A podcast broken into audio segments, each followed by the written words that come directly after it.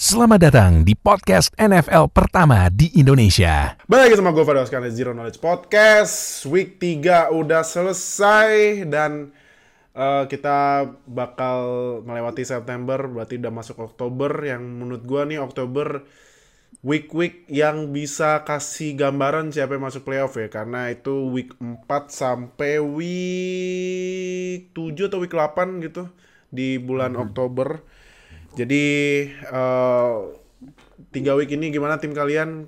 Kalau tim gua ya QB-nya kagak diganti, main mainnya juga gitu. Ya udah.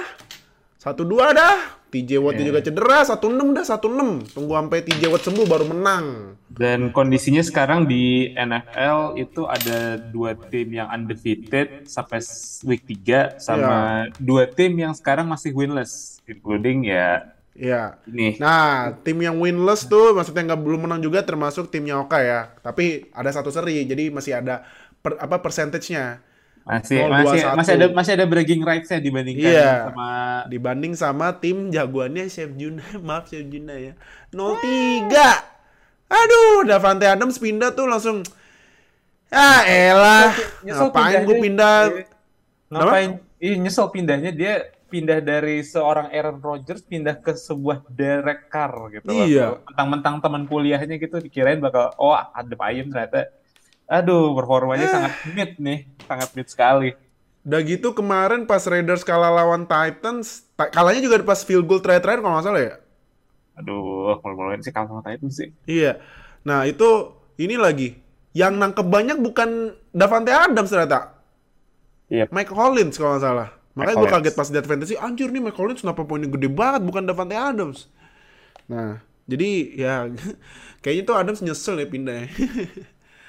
nah, sama satu lagi yang tim yang masih belum kalah, Dolphins sama Eagles.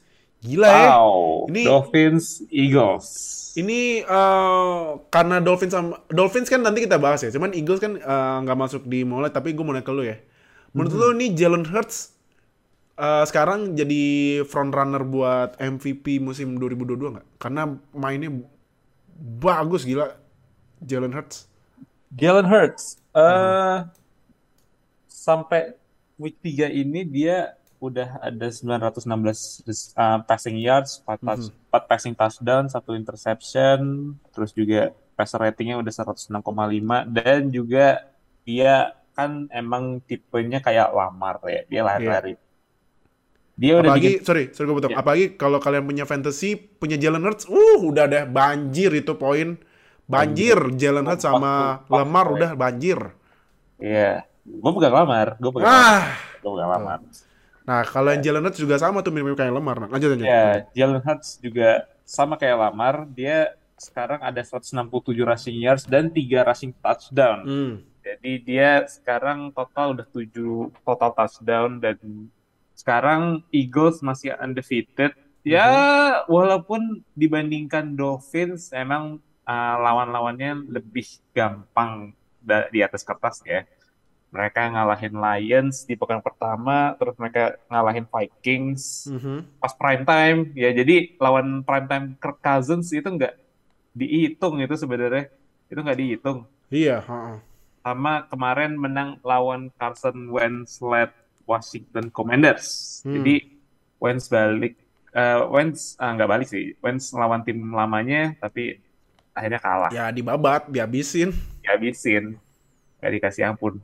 Mm-mm. Jadi kalau pertanyaan lu tentang Jalen Hurts is an MVP candidate saat ini, gua rasa ya, gua rasa hmm. saat sampai week 3 ini performanya Jalen Hurts itu patut diacungi jempol dan juga dia hmm patut dapat perhatian lebih lah di uh, tiga pekan pertama ini. Namun, uh, namun mungkin ya uh, beberapa pekan ke depan harus jadi ukuran juga sih buat Jalen Hurts ini, apalagi uh, besok uh, ya uh, lawan Jaguars di week 4. Iya, Jaguars yang lagi naik ya Jaguars sekarang ya. Jaguars lagi naik for some reason, yang nggak tahu juga kenapa hmm. lalu juga lawan Cardinals dan juga lawan Cowboys sebelum mereka masuk bye week. Hmm. Jaguars coachnya adalah Doug Peterson.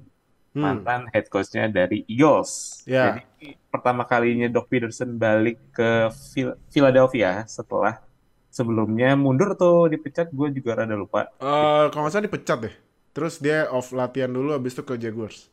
Nah, jadi ini revenge game-nya Doc Peterson istilahnya. Aha. Jadi ya Oke. itu Benar. yang harus kita lihat Revenge sih. ya? Oke oke. Nah, eh, langsung aja kita nggak pakai lama ya langsung kita mulai pembahasan week 3 tapi sebelum mulai jangan lupa seperti biasa eh, klik join di samping logo subscribe karena ya udah ini kan udah tiga minggu. Nah, yang jadi mega fans dapat podcast kita lebih cepet, dapat update-nya lebih cepet kan, lebih mantep Nah. karena musim NFL udah mulai. Nah, jadi langsung aja join mega fans cuman 10.000 ribu aja per bulan dan juga jangan lupa ya seperti biasa subscribe dan klik lonceng samping subscribe biar nggak ketinggalan sama update NFL di Indonesia dan juga follow semua sosial media kita udah kita tulis di deskripsi video ini ya karena yang mega fans lu dapat akses dua hari lebih cepet nah jadi NFL ini lagi main wah udah dah Jangan sampai ketinggalan. kalau ketinggalan satu udah ketinggalan semua kalau NFL mah gitu Iya. Nah, jadi karena kan NFL mainnya per minggu kan, nggak kayak NBA, MLB sama NHL kan. Mainnya per hari-hari kan masih bisa update kan. Yep. Ini NFL per minggu, ah lu miss satu udah miss beberapa minggu dah. Gitu. Jadi ya udah klik join biar uh, jadi mega fans biar dapat akses dua hari lebih cepet ya dari kita upload biasa. Oke, langsung kita mulai. Uh, hasil skor di week 13 eh week 3 sorry week 3. Yang pertama ah elah. Ini bener deh, gua mood gua masih jelek sumpah. Mood gua masih Ah. kalah sama Browns loh. Malu gua. Kalah sama Browns. Kalah. Tapi ntar kita bahas ya Browns kalian Joe Steelers beneran, ah. 29-17.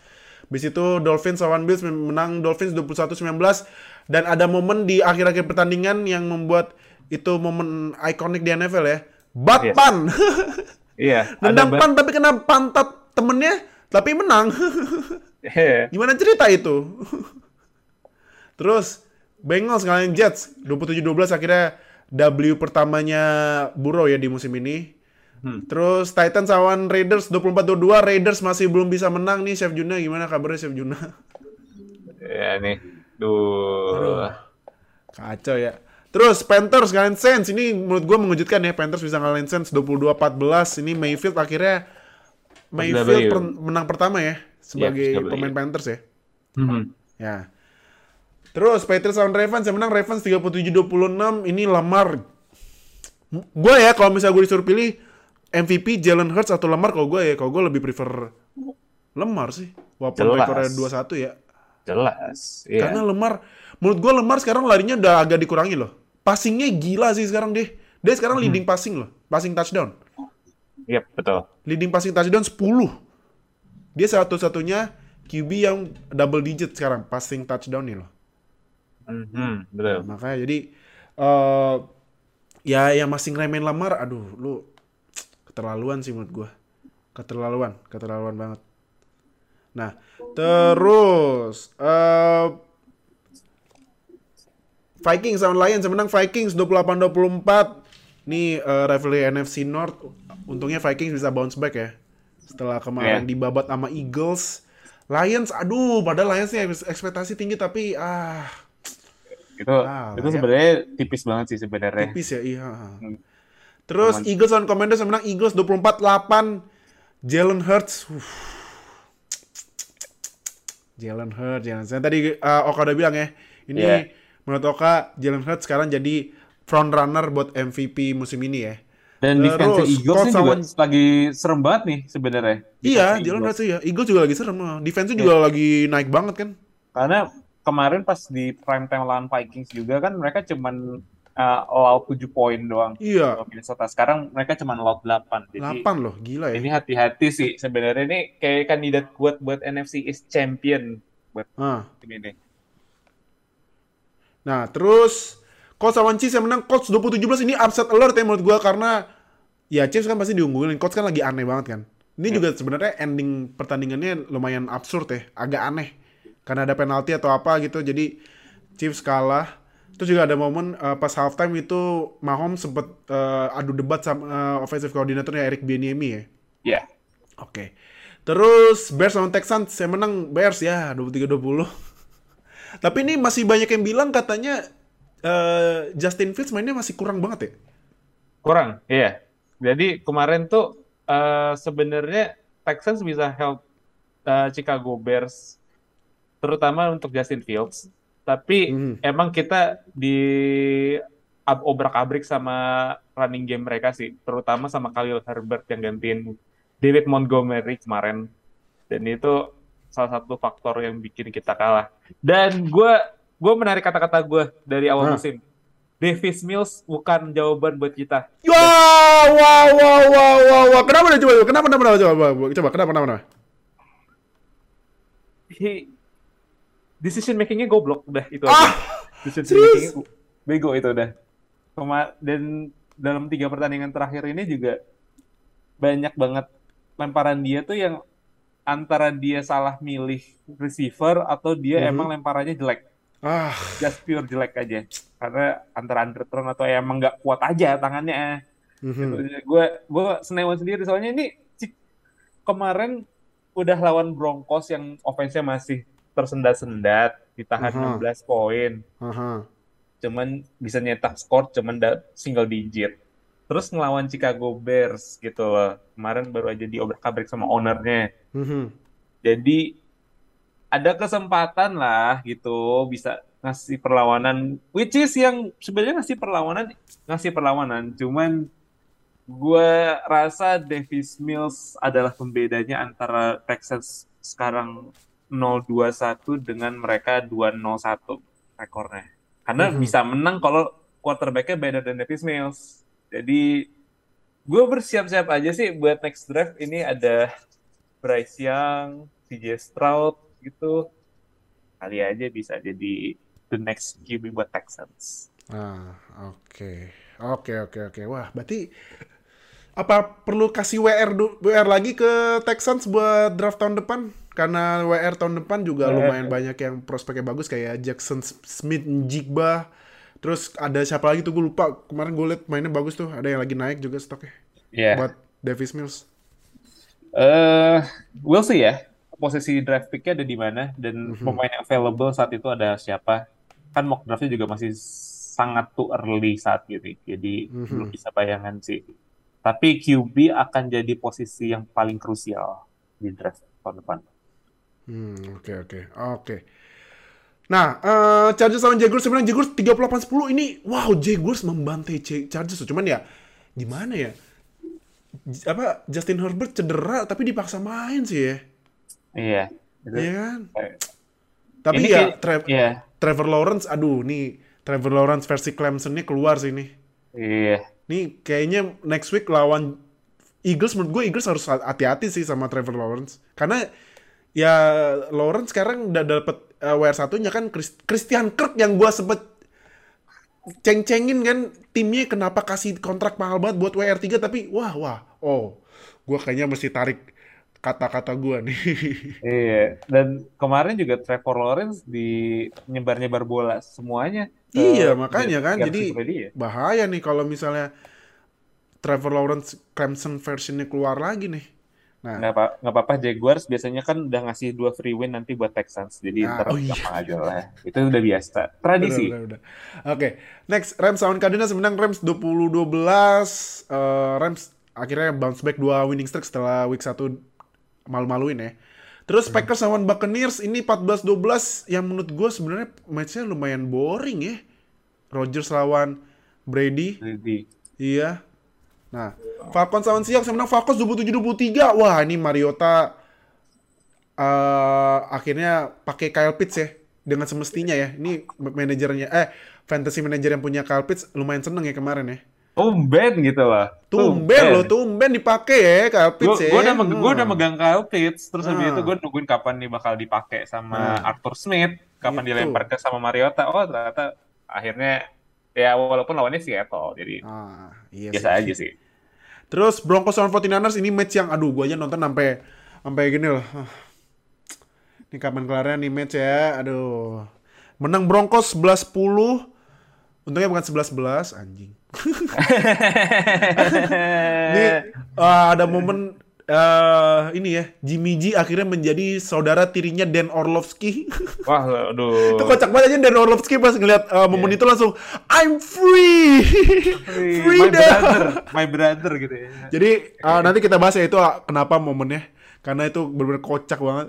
Dan terakhir Cowboys lawan Giants menang Cowboys 23-16. Cooper Rush 3-0 sebagai starter. Masih yakin wow. pakai Dak? Hmm? Wow. 3-0. 3-0. Nah, masih yakin pakai Dak. Nah, oke. Okay, jadi kalau gitu, langsung aja kita mulai uh, match pertama Browns lawan Steelers. Yang menang Browns 29-17. Sebelum gua renting lagi, Kak, dari dulu dulu deh. Kaget gak lo liat Jacoby Brissett mainnya jadi bagus banget? uh, antara kaget sama enggak sih. Kayak kaget karena gue kira ini bakal lebih uh, close lagi gamenya dan Brissett dan Trubisky kayak hmm. bagaikan langit dan bumi kemarin tuh. Brissett kayaknya soalnya akurat banget pas uh, mainin QB dan it works dengan running game mereka yang jalan banget dengan Nick Chubb dan juga mm-hmm. Karim Hunt. Apalagi mereka juga sekarang punya WR kayak Amari Cooper gitu. Ya yang memang pilihannya ya Amari Cooper dan bunch of someone's gitu di Browns. Amari ya Amari Cooper jadi target utamanya. Sama kemarin PM mereka yang baru dibayar musim ini David Njoku akhirnya Oh iya Njoku ya. Ya, yeah, having a great game. 9 uh. catches dan juga 89 receiving yards dan juga receiving touchdown satu. Uh-huh. Jadi ini uh, kabar gembira lah buat Cleveland karena emang setelah uh, ada sedikit turmoil setelah off season kemarin mereka trade buat Deshaun Watson terus banyak yang menyaksikan. Uh-huh. Terus lebih itu juga mereka sempat ada isu-isu sama Baker. Terus lebih itu ada juga kayak sempat sebelumnya musim lalu sama OBJ sekarang mereka kayak tanpa ekspektasi mainnya ini ini klasik Cleveland Browns kayaknya kalau misalkan mm-hmm. kita nggak ada ekspektasi sama mereka kita nganggap mereka oh ya tim biasa aja gitu mereka mainnya malah bagus mm-hmm. dan ini kebukti kemarin uh, ya kalah lawan Jets ya ya itu it is bad it's bad itu yeah. coknya parah banget tapi di sisi lain dua kemenangan mereka ini lawan Panthers yang diperkuat sama Baker, sama Steelers yang diperkuat sama Trubisky. Iya. Yeah. win is a win, tapi ini tim yang sebenarnya nggak terlalu mengancam juga sih buat mereka. Iya. Yeah. Karena uh, lawan mereka udah ada Baker, ada Flacco, sama Trubisky. Mm -hmm. Nah, ini gue habis lihat jadwalnya mereka dari mereka uh, by week di week 9, week 4 mereka lawan Falcons dengan Mariota, week 5 dengan uh, Chargers itu ada Herbert ataupun siapa pun QB-nya. Hmm. Patriots mungkin juga Mac Jones karena Mac Jones kemarin juga sempat cedera ya. Hmm. lawan Ravens. Week 7 mereka akan lawan Lamar di hmm. Baltimore dan week 8 akan lawan Joe Burrow. Hmm. di kandang. Jadi tes mereka itu akan mulai datang di week 6 kalau gue. Karena itu saatnya mereka ini masuk ke schedule yang cukup susah antara sama lawan Patriots, Ravens sama Bengals. Jadi 2-1 rekor mereka sekarang and ya yeah, it's a good thing tapi lebih kayak hati-hati aja sih, nggak harus jangan sampai kayak ke bawah suasana gitu. But it's a good performance so far buat mereka. Mhm. Oke oke. Buat Steelers. Gue gue serahin ke lu aja sih. Lu mau ngomong apa? Gue akan mendengarkan keluh kesahnya. Oh, gue lupa ganti fotonya ya. Nah ini, aduh, ini orang, ini orang. Yang pertama, oke, okay. catch-nya Pickens itu gue, jujur gue nonton gue teriak loh. Mm-hmm. Wajir Pickens, Pickens is him. George pick him. George pick him. George pick him. Uh, tapi gue jujur Pickens, Pickens it's him. Tapi ada satu play di yang Pickens dia pakai hook route. Itu dia hmm. bener-bener wide open, gak dikasih sama Trubisky dia sampai marah-marah loh, marah-marah sendiri loh. Yeah. Karena ya Pickens kan udah, sebelum match itu uh, hari sebelumnya Pickens udah bilang kan dia literally 90% wide open dan ternyata kemarin pas lawan Browns emang benar wide open mulu. Ya, gitu. intinya Trubisky tidak bisa nge-reach Pickens lah ya. Aha. Gampangnya. Iya, jadi itu gimana ya? Karena gue gini ya, kalau gue permasalahan dua ya. Yang pertama, play desainnya Matt Canada ini, aduh, aduh, bukan play design ya, play callingnya Matt Canada ini gue heran sih liatnya, heran, gue heran. Third down, masa check down? Kan gue minggu kemarin udah bilang kan, lu kira ini college, yang pemainnya kalau misalnya nangkep terus nyari rack, sekali gocek kelar. Ya ini bukan college, ini NFL. Sekali gocek ya masih ada yang ngincer juga buat nge-tackle. Benar, benar. Nah, terus yang kedua, Trubisky. Ya kemarin kan uh, Pat Fryermuth jarang di jarang dilempar ya karena kan sebelumnya ke, selalu ke Pat Fryermuth ya buat check down ya. Udah yep. mulai lemparnya udah mulai berani ke depan. Cuman decision makingnya aduh, gua heran sih. Bingung gua. Bener bingung. Jadi ini ya kalau misalnya disuruh kalau bisa ditanya saatnya start picket iya cuman uh, cuman ya ini cuman ya apa bener-bener aduh saatnya start picket cuman di bulan Oktober itu jadwalnya keras ketemunya nih ya ketemunya kalau nggak salah itu ntar gue cek gue cek ini ya, gue cek jadwal dulu ya. Uh -huh. Steelers itu di bulan Oktober ketemunya Jets. Ya Jets, Jets menurut gue masih berat sih, menurut gue masih berat. Bills kelar. Ya Bills kan sekunderinya banyak cedera kan, cuman ya ya lu ketemu Josh Allen, kalau misalnya kalau misalnya offense kayak kemarin, offense cuma 30 detik, defense-nya 13 menit. Ya capek defense yang ngejar-ngejar Josh ngejagain Josh Allen sama Stephon Diggs. Gitu loh. Terus next ketemu Buccaneers, aduh ketemu si kambing. Ketemu basically ownernya Steelers lah. Iya. Owner Steelers. Iya, untung udah pergi tuh owner ke NFC, tapi ketemu. Terus ketemu Dolphins. Wow. Lu tau lah siapa Dolphins yang bagus. Abis itu ketemu Eagles, ya ampun, Jalen Hurts lagi. Jadi ini kalau mau mainin Pickens agak-agak agak-agak ini agak-agak ini minggu-minggu ke belakang juga ya. buat di bulan minggu, Oktober. Minggu-minggu ke belakang lah ya berarti. Iya, jadi ya makanya satu enam aja lah seasonnya deh nggak apa-apa deh sampai November dah. Ikhlas gua Oktober kalah mulu dah.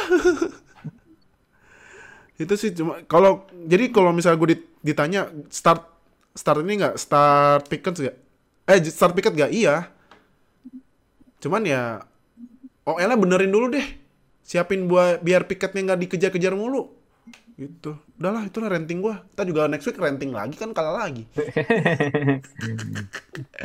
Dah langsung ya. Next game. Nih Chiefs Colts yang Colts menang 20 20 17 lu lu lu gimana menurut lu kak?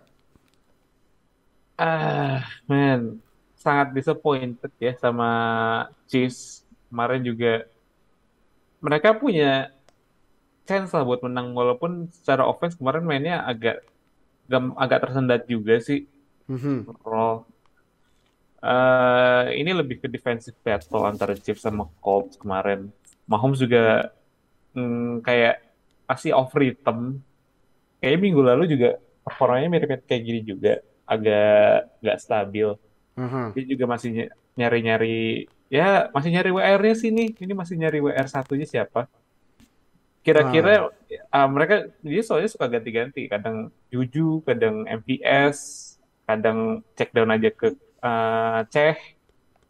Yang pasti yang receiver nomor satunya kan Kelsey, tapi WR satunya ini yang Mahomes pasti belum nemu siapa yang paling bagus di antara tiga itu tadi. Jadi mm -hmm offense mereka ini masih perlu banyak berbenah lagi sih. Apalagi kan juga sempat ada perdebatan juga tuh antara Mahomes sama Bianemi juga kan. Bahkan sampai di komen sama mantan pemainnya Chiefs juga sama mm-hmm. LeSean McCoy yang bilang kalau Bianemi itu nggak bisa nge-call game, nggak bisa nge-call offense. Mhm. Katanya cuma bisa nge-call play-play yang dia tahu doang gitu. Jadi inti, intinya di, si LeSean McCoy ini kayak kayak bilang Bianemi ini nggak pinter gitu, nggak pinter dalam play call. Jadi itu itu mungkin satu secret sih uh, kenapa offense Chiefs ini belum bisa jalan banget musim ini. Oke, okay, oke. Okay. Oke. Eh Colts. Colts uh, kalau kalau Colts gimana menurut Colts? Eh uh, agak agak gimana ini timnya rada lu bingung gak sih lihat Colts ini identitasnya kayak gimana ya ini timnya? Supposed to be tim ini kan running best G, running best offense ya. Mereka running through Jonathan Taylor sama Nihan Hines dan Matt Ryan akan jadi game manager aja. Mm-hmm. Jadi kemarin Matt Ryan lempar 37 kali dan mm-hmm. 222 yards dan dua receiving touchdown dan satunya itu adalah game winning touchdownnya dia ke Jelani Woods. Jelani Woods ini tight Oh, Jelani Woods ya? Iya, iya. Ya. Dan Woods, ya? dia nge-catch dua touchdown kemarin. Dua hmm. touchdownnya dari Matt Ryan. Jadi, eh, gue rasa secara offense mirip-mirip kayak kemarin, cuman bedanya uh, defense Chiefs ini kan sebenarnya juga terkenal agak nggak konsisten. Secara pressure juga mereka nggak begitu banyak kemarin tuh. Jadi, ya eh banyak juga sebenarnya sih cuman uh, kayak nggak menghasilkan banyak hal gitu loh kayak gam kayak gampang ditem tetap gampang ditembus soalnya karena lawannya Matt Ryan yang bisa dibilang udah wash juga mm-hmm. jadi gue pikir in uh, Kansas City playing a bad games Indianapolis juga playing a bad games tapi mm-hmm. mereka bisa dap, uh, ketemu end zone-nya dua kali itu juga salah satu ini sih uh, sesuatu yang patut diajungi jempol juga untuk Colts. Hmm, oke okay, oke. Okay. Oke, okay. next.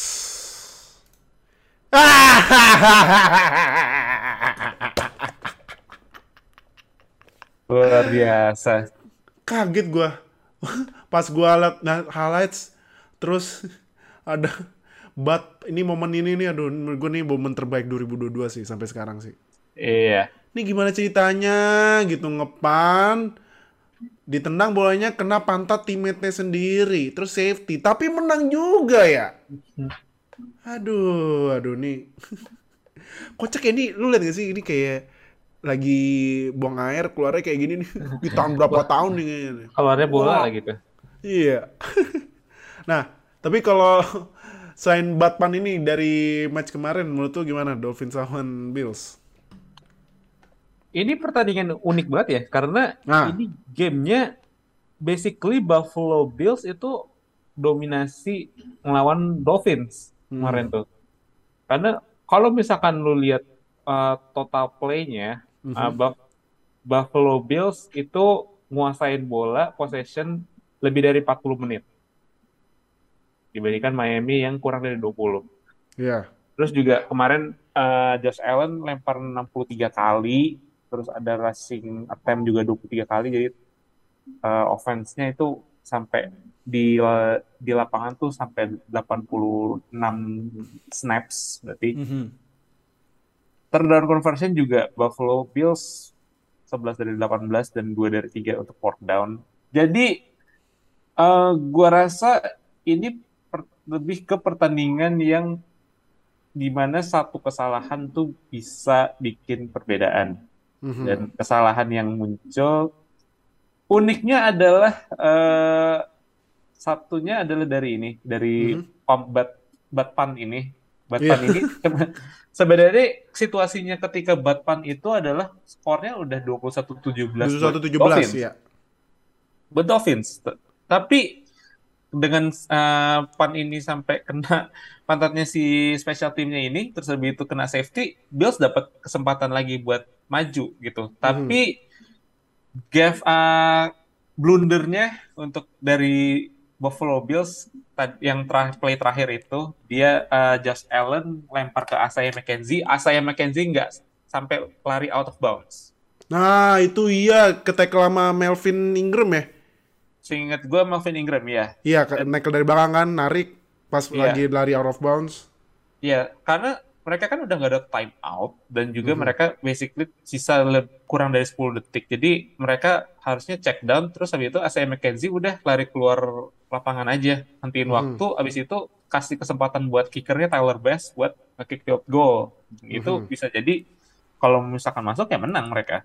Ah. Cuman ya gua rasa itu juga situational awareness juga sih buat eh saya McKenzie karena dia nggak sampai lari out of bounds padahal Iya. udah disuruh-suruh itu sama eh, OC-nya sama head coach-nya juga. Iya, OC-nya Ken Dorsey dari tempatnya sampai ngamuk-ngamuk ya. Banting-banting tablet, banting-banting kertas, lempar-lempar. Iya, ya dan satu lagi juga karena ada fumble dari Josh Allen juga sih yang saat yang ini yang direbut sama Dolphins. Jadi Mhm. game ini basically tiga kuncinya ada di tiga play yang tadi. But Iya. punt, terus Isaiah McKenzie nggak sampai out of bounds, sama fumble-nya dari Josh Allen. Itu sih Mhm. pembedanya yang bikin mereka kalah kemarin.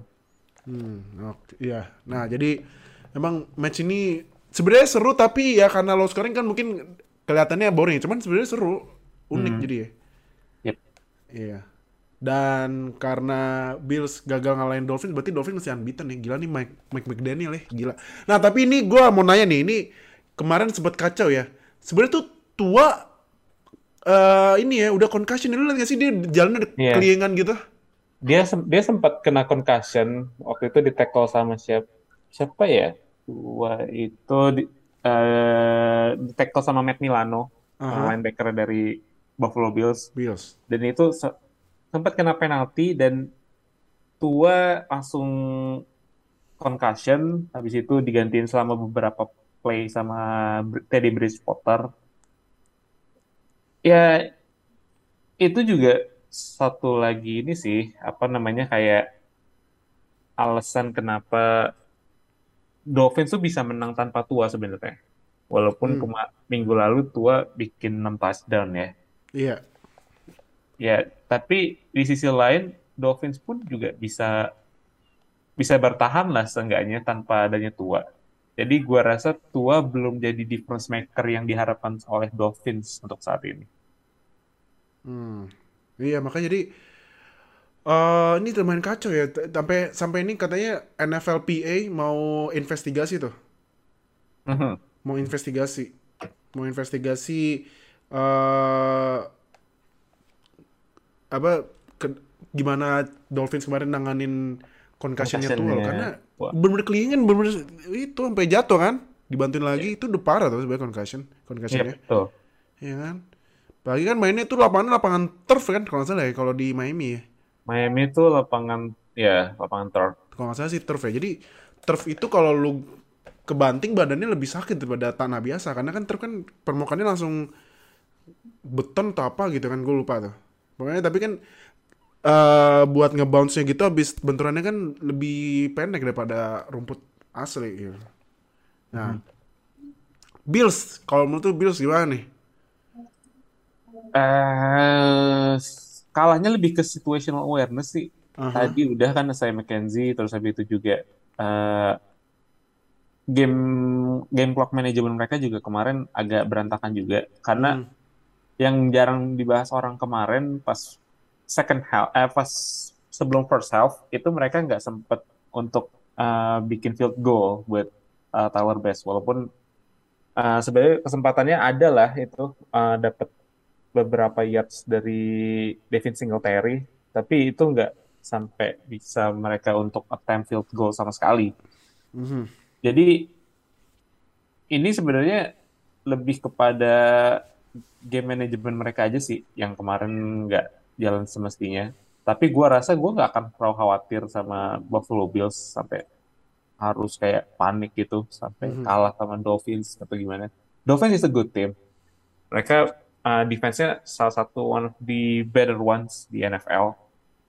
Uh, tapi Buffalo Bills emang banyak orang yang expect lebih dari mereka karena Mhm. mereka adalah Super Bowl contender saat ini. Jadi gua rasa mereka bisa improve dengan uh, roster mereka saat ini walaupun mereka baru aja kehilangan Micah Hyde sampai akhir musim. Iya, duh sayang banget. Cedera Ya, leher. terus ya dan juga safety mereka Jordan Poyer juga nggak main kemarin. Mhm.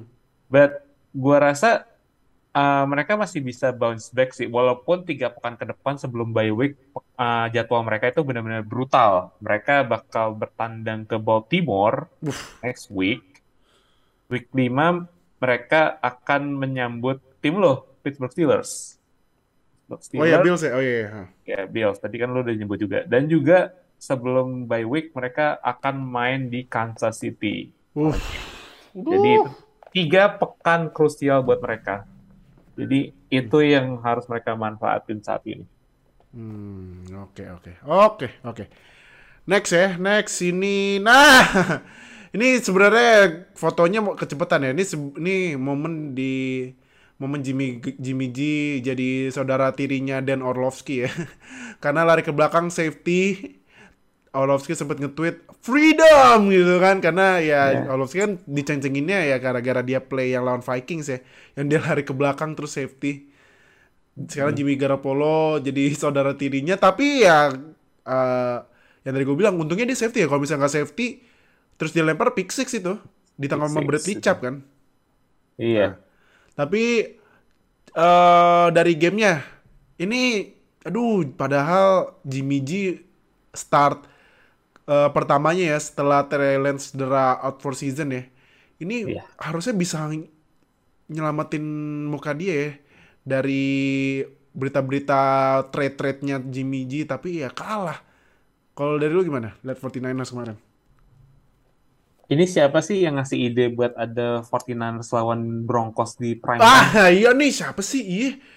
Bosenin banget sumpah. Gue gue gue nggak menyisihkan waktu di hari Senin gue untuk menonton Jimmy Ganteng lawan Let's Ride yang fraud itu. Ah, Aduh, gue ng- ngeliatnya Jimmy G balik lagi ke zaman-zaman jahiliyah, udah. Zaman-zaman dia Jimmy Ga Jimmy Pornstar Jimmy malah itu, iya. Pornstar Jimmy. Overall offense mereka nggak jalan, mereka cuman satu dari 10 dari third down conversion, terus habis itu mereka juga cuman 211 uh, passing yards total. Defense still playing still playing great. Ya kebantu juga sama Broncos yang nanti habis ini gue akan bahas 49ers defense-nya bagus but the offense banyak banget yang harus dibenahin sih. Karena mereka yakin mereka rencana awalnya bukan untuk Jimmy G offense-nya. Iya.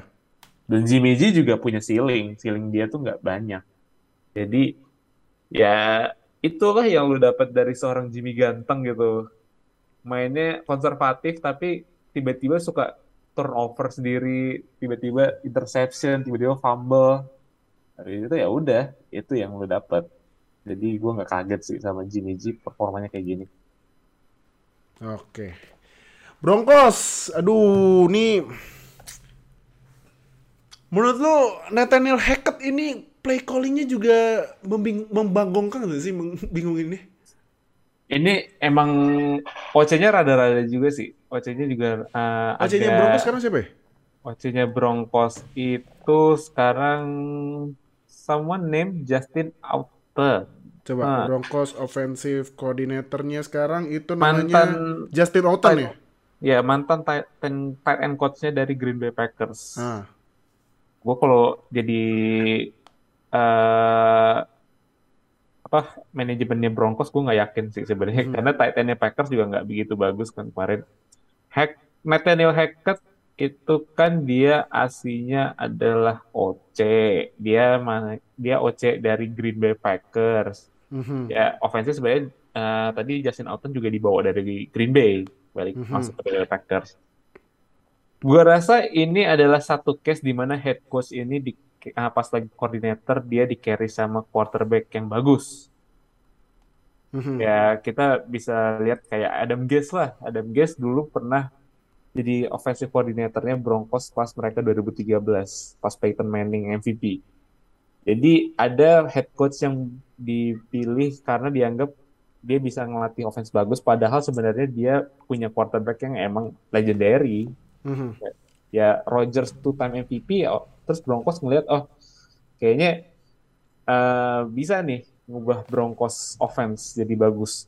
Yeah. Dan kan kemarin juga pas off season sempat ada isu-isu Broncos mau coba trade buat Rodgers ya. Mm-hmm. Iya. Dan Nathaniel Hackett itu di hire salah satunya karena buat menarik Rodgers karena dianggap itu Rodgers cocok offense sama uh, Nathaniel Hackett. Tapi oh, okay. karena nggak ya karena nggak berhasil, mereka masuk ke opsi dua. Opsi dua mereka jelas adalah Russell Wilson. Dan gue rasa Russell Wilson agak beda dibandingkan sama Rodgers. Karena Rodgers has a better arm, terus habis itu dia juga uh, lebih akurat lah dibandingkan Russell Wilson. Dan Russell Wilson juga kemarin sempat cedera uh, elbow atau jari ya? Siapa? Russell Wilson pas musim lalu. Kalau yang dulu pas tahun kemarin jari. Iya, jadi emang belum 100% benar kayaknya. Makanya dalam beberapa pertandingan terakhir Broncos ini offense-nya benar-benar hancur lebur. Mereka cuma bisa nyetak 16 po 16 poin di dua laga awal dan mm -hmm. kemarin juga cuma 11. Jadi uh, mengkhawatirkan emang mengkhawatirkan tapi gue rasa sih a win is a win. Mereka menang akhir uh, walaupun nggak nggak bagus menangnya, tapi mereka tetap menang sih. Jadi nggak hmm. masalah buat gue. Oke, oke. Yeah. Ya, karena gue nonton Broncos bingung gue ini Russell Wilson yang mainnya masih belum adaptasi apa play callingnya yang bingungin ya karena aneh gue liat Broncos sebenarnya aneh banget aneh. Sebenarnya ya play play call juga ada faktor dari Russellnya juga iya sih. yang belum sembuh benar tapi ya combination of both itu juga nggak uh, nggak menggembirakan buat sebuah defense uh, sebuah offense dari Denver Broncos. Hmm oke okay, oke. Okay. Last ini nih uh, Cowboys lawan uh, Giants lawan Cowboys yang menang Cowboys. Wow. Akhirnya Cowboys jadi tim pertama yang ngalahin Giants di rivalry uh, penuh rating ya di NFC East. Ini Gila, yang CD Lamb nangkep satu tangan nih gila ya emang. CD Lamb, CD Lamb. Nah, uh, dari Giants dulu deh ini Daniel Jones ternyata ada faktanya dia nggak pernah menang di prime time games. Ini siapa juga yang ngasih eh yang bikin ide ya? Daniel Jones taruh di prime time. Ini Daniel Jones ibaratnya udah kayak Kirk Cousins tapi uh, yang nggak dapat gaji fully guaranteed deh. Iya, kan beda, kan, beda, bedanya Kirk Cousins kalau main jam 12 di waktu sana itu mainnya kayak Hall of Famers. Iya, Hall of Famer. Sedangkan kalau giliran kalau gak ada matahari, ah udah kelar. Giliran udah giliran udah malam kayak orang buta ya kalau Iya, makanya. Aduh, tapi kalau Giants gimana tuh? Karena kalau menurut gue sih kemarin Giants ya ya kalahnya karena banyak error dari Daniel Jones ya. Yeah. Kalau menurut gue kemarin di carry sama Saquon. Saquon mainnya gila sih Saquon Ikon balik lagi ke balik lagi season. ke rookie seasonnya ya. Iya. Kamu tuh gimana Giants? Gua rasa semua fans Giants setuju sama gua. Daniel Jones bukanlah jawaban. Daniel Jones akan hmm. diganti hmm. next season dengan draft mereka. Nggak tahu dengan siapa, tapi yang pasti mereka akan cari quarterback di draft musim depan. Dan Daniel Jones, gua rasa nasibnya bakal kayak Trubisky sih. Dia bakal antara jadi bench player atau dia ya udah pindah ke tim lain gitu nggak yang soalnya dia juga nggak dapat fifth year option mm-hmm. dia nggak dapat fifth year option dan ya setelah musim ini kalau misalkan nggak di resign ya udah dia cabut dia pindah ke tim lain antara jadi starter sementara mm-hmm. atau jadi backup jadi quarterback jadi pembeda juga sih karena dibandingkan Cooper Rush yang kemarin mainnya decent, mainnya decent. But he still got uh, a W. Daniel Jones, yeah. meanwhile, enggak sama sekali. Like, dia nggak akurat. Ratingnya juga 57,9 doang. Iya. Yeah. Dan gua rasa uh, lemparan dia, eh playnya dia yang paling mencerminkan seorang Daniel Jones itu adalah play terakhirnya dia sih, yang dia di intercept sama Trevon Diggs. Mm-hmm. Itu yang bikin semua orang yakin Daniel Jones nggak berkembang sama sekali dari rookie season sampai sekarang. Iya, makanya jadi Aduh, nih menurut tuh Daniel apa Giants mendingan ngetanking aja walaupun udah 2-1 tapi ya QB tahun depan kan hmm, si J Stroud, Bryce Young loh. Nah, Iya. apa gimana menurut lo? Apa lanjutin aja main main bagus ya? Ah, let's see their schedule. New York Giants, ah, mereka ada bye week di week 9, which is sebenarnya lumayan optimal, tapi lawan mereka ada yang gampang, ada yang susah. Mereka week 4 bakal lawan Bears, pretty much easy. Iya. Pretty much easy. Packers di Lambeau Field. Ah, ini susah sih menurut gua. Aduh, gua rasa itu eh, susah juga lawan Rodgers. Setelah lawan Packers, oh my God, mereka Gi- Giants akan melawan Baltimore Ravens di New York. Kelar, kelar, kelar, kelar dah, kelar, kelar. Ya harapan mereka cuaca dinginnya New York itu nggak cocok buat lamar gitu kali ya. Terus, terus week 7 mereka lawan Jaguars di Jacksonville. Week 8 mereka akan main di Seattle. Ah, Jadi schedule mereka ya gampang-gampang susah sih. apa susah ya. ya. Jadi eh, pertanyaannya apakah tanking atau enggak? Ya depends sama situasinya mereka sih. Kalau mereka ngelihat kayak performa mereka bisa menang dalam beberapa games, wah, gua rasa why not gitu. Mereka bisa Mhm. push a little bit lah buat eh, nge-challenge Eagles ataupun Cowboys ataupun siapa pun ntar yang jadi eh, division buat divisional champion. Jadi mungkin terlalu dini untuk kita bilang bahwa mereka harus tanking karena mereka eh, rekornya masih 2-1. Tapi kita juga harus notice bahwa dua kemenangan mereka sebelumnya itu lawannya tim-tim yang bisa dikatakan mid.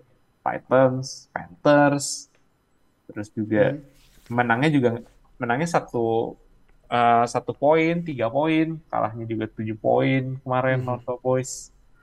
Jadi eh harus dilihat dulu sih dalam beberapa pekan apakah mereka performanya bagus atau enggak.